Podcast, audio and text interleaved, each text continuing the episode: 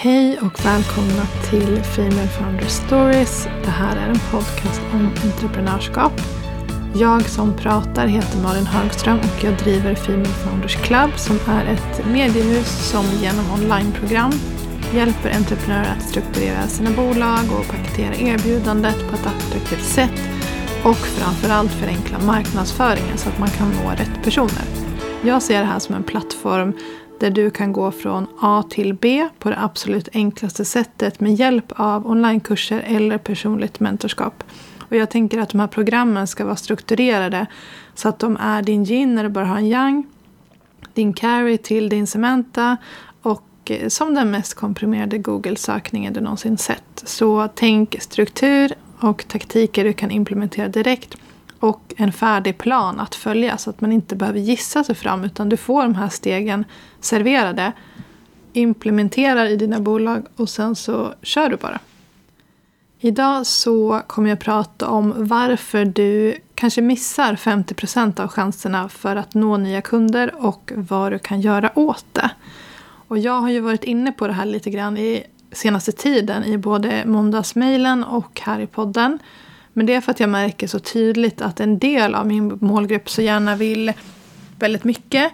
Men risken är att man kanske glömmer att sätta den här grundstrukturen. Och eh, det är svårt att springa rätt om man springer snabbt utan att ha bestämt åt vilket håll man ska springa åt. Och med det så menar jag att det finns liksom så mycket information där ute. Mycket handlar om att man ska sälja på sociala medier. Jag pratar ju själv om det och jag har ett helt program för att göra just det. Och eh, det, det funkar ju. Alltså absolut, jag gör ju det och det finns massa andra som gör det också. Men det är för att vi har satt en grund för vårt varumärke som möjliggör att vi kan liksom implementera de här taktikerna. Och om man inte har gjort det så kommer det kanske vara för svårt att ta sig till det. Eller de kommer inte funka lika optimalt som de kanske skulle gjort annars.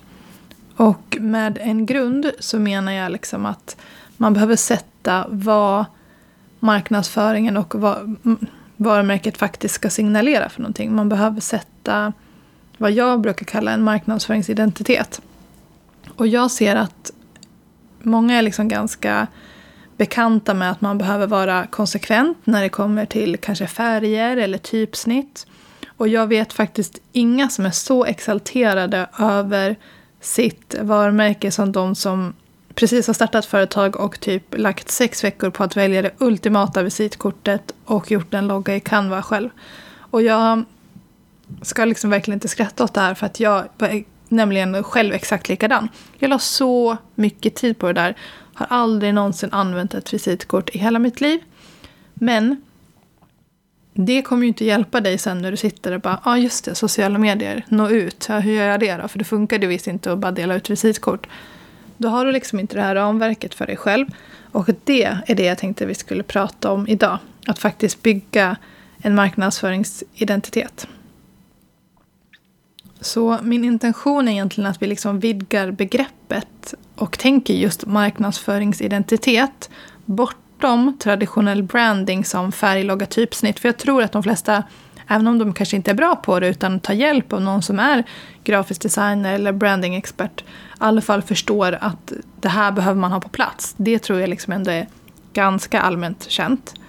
Ehm, men för mig så handlar att skapa en marknadsföringsidentitet mer om att sätta liksom hela ramverket. Så att oavsett vilken plattform du sen vill skapa innehåll för, om det skulle vara typ jag vill ta fram ett visitkort eller jag vill ta fram en katalog. Eller om det är så att jag vill använda Instagram, jag vill göra en mejllista, jag vill prata i en podd, jag vill göra TikTok. Alltså vad det än är så har du liksom den här grundstrukturen som är ditt varumärkes marknadsföringsidentitet egentligen.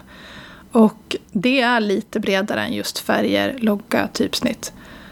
Och den här äh, marknadsföringsidentiteten som jag vet att många kämpar med består ju såklart av flera komponenter och det är lite för långt att gå igenom allting i ett eh, poddavsnitt. Så att jag har valt ut en grej som jag vet att många kämpar ganska mycket med. Och det är att många tycker att det är svårt att skriva texter. Och problemet, eller liksom, ja det är problemet, men lösningen är egentligen att man behöver sätta sitt eget bolags tonalitet.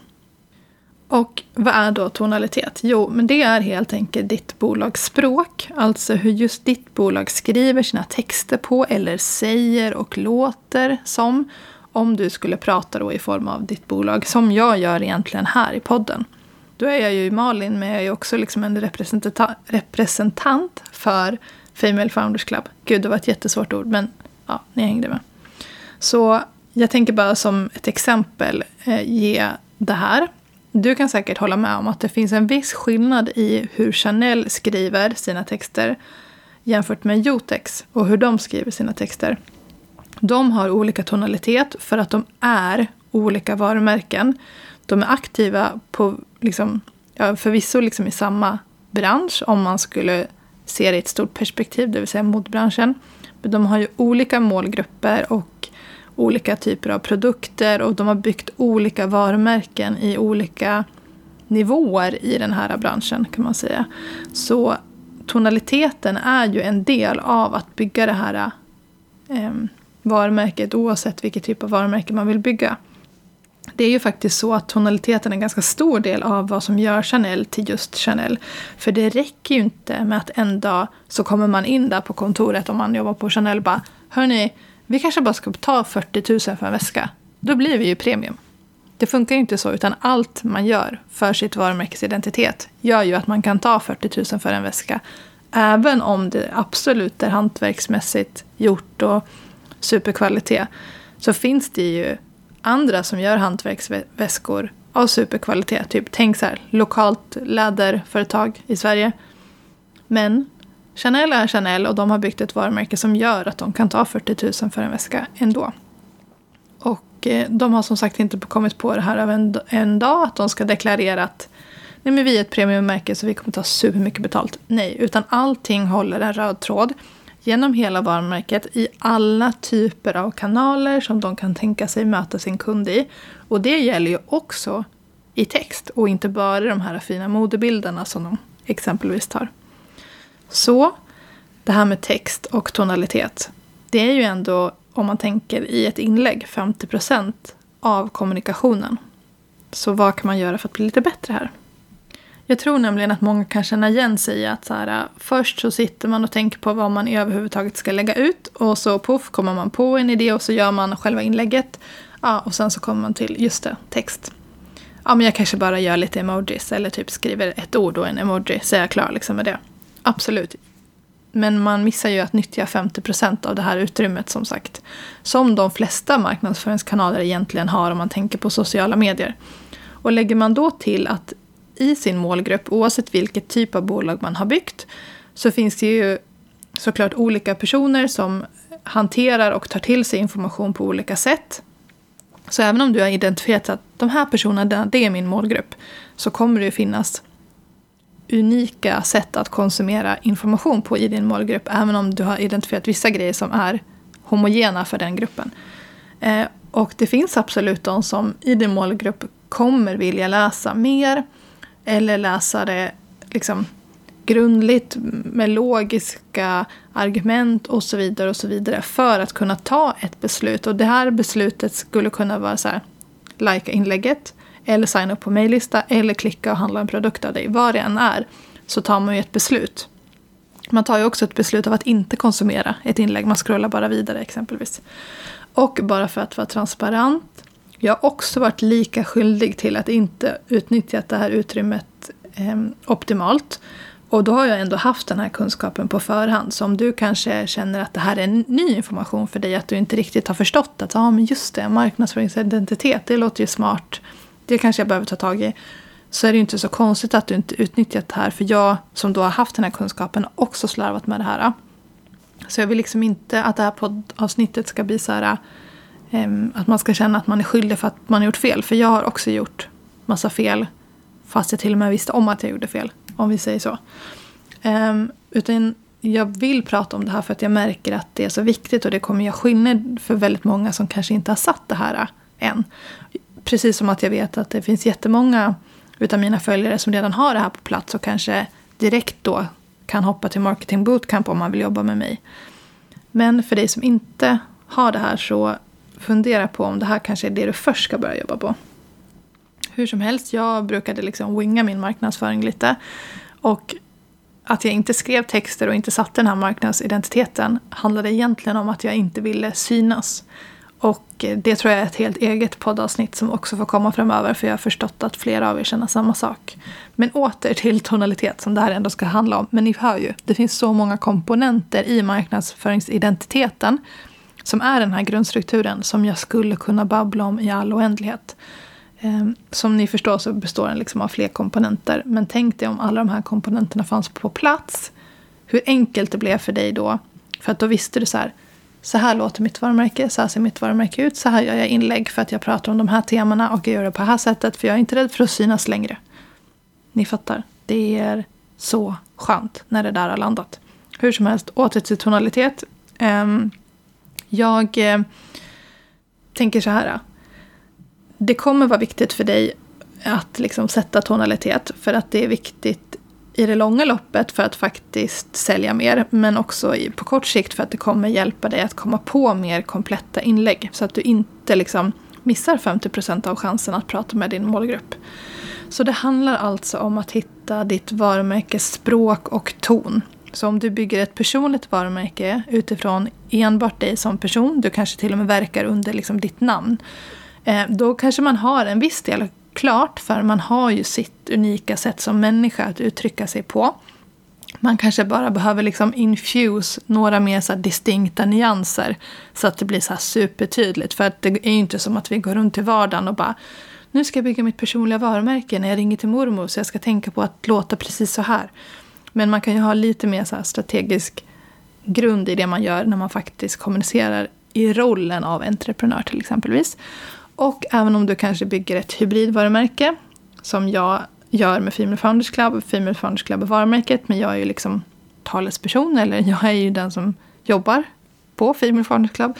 Eller om du vill bygga ett mer så här, eh, eget varumärke för bolaget, så behöver du i alla fall sätta tonalitet. För jag menar, hur låter egentligen Chanel eller Coca-Cola? Som är Ja, Chanel är ju kanske väldigt kopplat till grundaren då, men Coca-Cola, alltså jag vet faktiskt inte vad som grundade Coca-Cola. Jag vet bara väldigt tydligt vad Coca-Cola är och gör och hur de känns. Både liksom språkligt och visuellt. Så du förstår säkert hur jag tänker med att sätta den här tonaliteten, känslan, språket. Och jag tänker så här, du kan fundera på de här frågorna. Vilken känsla vill du att just ditt varumärke ska ge? Hur kan man få den känslan i det du kommunicerar och skriver? Och hur kan du börja sätta din tonalitet tydligare redan idag? För om man har det här klart för sig, just hur sitt eget varumärke låter, så kommer det ju bli mycket enklare att sen nyttja logiken bakom en bra caption. Och caption är alltså marknadsföringsord för text till inlägget. Så du har säkert någon gång sett, eller kanske till och med laddat ner en sån här guide. Bara, så här skriver du bra texter till dina inlägg. Och så har du fått ett format, alltså en färdig struktur för hur texter ser ut. Jag har ju till exempel pratat om det på Female Founders Club. Du kanske sett det i mitt måndagsmejl eller sådär. Och de här strukturerna är superbra. Och funkar jättebra. Om man kan stoppa in sitt eget varumärkes sätt att låta och prata på i den här strukturen. För annars blir det ju liksom en mall som bara är en mall. Men du kan ju inte fylla den med innehåll. Och då blir de ju oanvändbara. Så du måste först identifiera hur just ditt varumärke ska skriva texter och vilken ton de här orden ska ha. Och om du tycker att det här låter spännande men kanske lite svårt så kommer ni som lyssnar på podden vara de första som får veta vad jag har hållit på med. Jag har ju hintat om det lite här och eh, sagt att jag håller på med ett program som jag inte har döpt än och kallar för Lilla syster till Marketing Bootcamp. Och det är så här. Jag kommer lansera ett program i slutet av november där vi tillsammans bygger just ditt varumärkes marknadsföringsidentitet. Det här är ett perfekt program för dig som sen vill börja sälja på sociala medier, kanske jobba mera med säljplaner och marknadsplaner långsiktigt och alltså verkligen nyttja potentialen. Men känner nu att så här, det är för svårt för mig att ens komma på vad jag ska lägga ut och jag kämpar så med att bara vara konsekvent för att jag vet liksom inte hur mitt varumärke ska låta och tänka och se ut. Då kommer det här programmet som handlar om att bygga just ditt varumärkesidentitet vara perfekt. Så du kan liksom se till att sätta den här strukturen nu, 2022, innan vi går över till 2023. Och då har du liksom allt klart för att sen implementera mer um, strategiska, strate, strategiska strategier, vilket ord. Ja, men mer strategisk riktning på ditt innehåll så att det verkligen börjar konvertera ännu mer än vad det redan kommer göra om du faktiskt sätter din marknadsföringsidentitet. För det finns ingenting som hindrar dig från att sälja liksom direkt när du går marknadsföringsidentitetsprogrammet. För att du kommer ju bli tydligare för din målgrupp vad du är, vad du gör och vad du inte gör och varför man ska jobba med dig eller köpa av dig. Men hur som helst. Det här programmet handlar just om att sätta varumärkesidentiteten så att du enklare liksom kan skapa det här innehållet som du vet att du måste göra för att det är ett sätt att nå ut på. Och eh, jag har inte helt satt namnet än, så därför kan jag inte säga vad det heter. Men hur som helst, du kan DMa mig på Instagram. Du hittar mig på Female Founders Club. Och säga så här, vet du jag är nyfiken på att läsa mer om när det finns mer att läsa mer om. För då kommer du signa upp dig på väntelistan. Och om man är på väntelistan så kommer man kunna haffa några av de early bird-platserna som jag kommer släppa till bara de på väntelistan. Och man kommer få ett extra fördelaktigt pris. Så om du känner så här, ja, men jag vill ha hjälp att sätta min marknadsföringsidentitet för jag vet att jag inte riktigt har gjort det jobbet än och jag vill förstå mer om hur jag enklare kan skapa innehåll och marknadsföra mig bättre. Skriv till mig på DM så signa upp dig på väntelistan så får du informationen först när det väl finns mer att läsa på om. Det var allt jag hade för den här veckan. Tack för att du har lyssnat idag och vi hörs nästa vecka.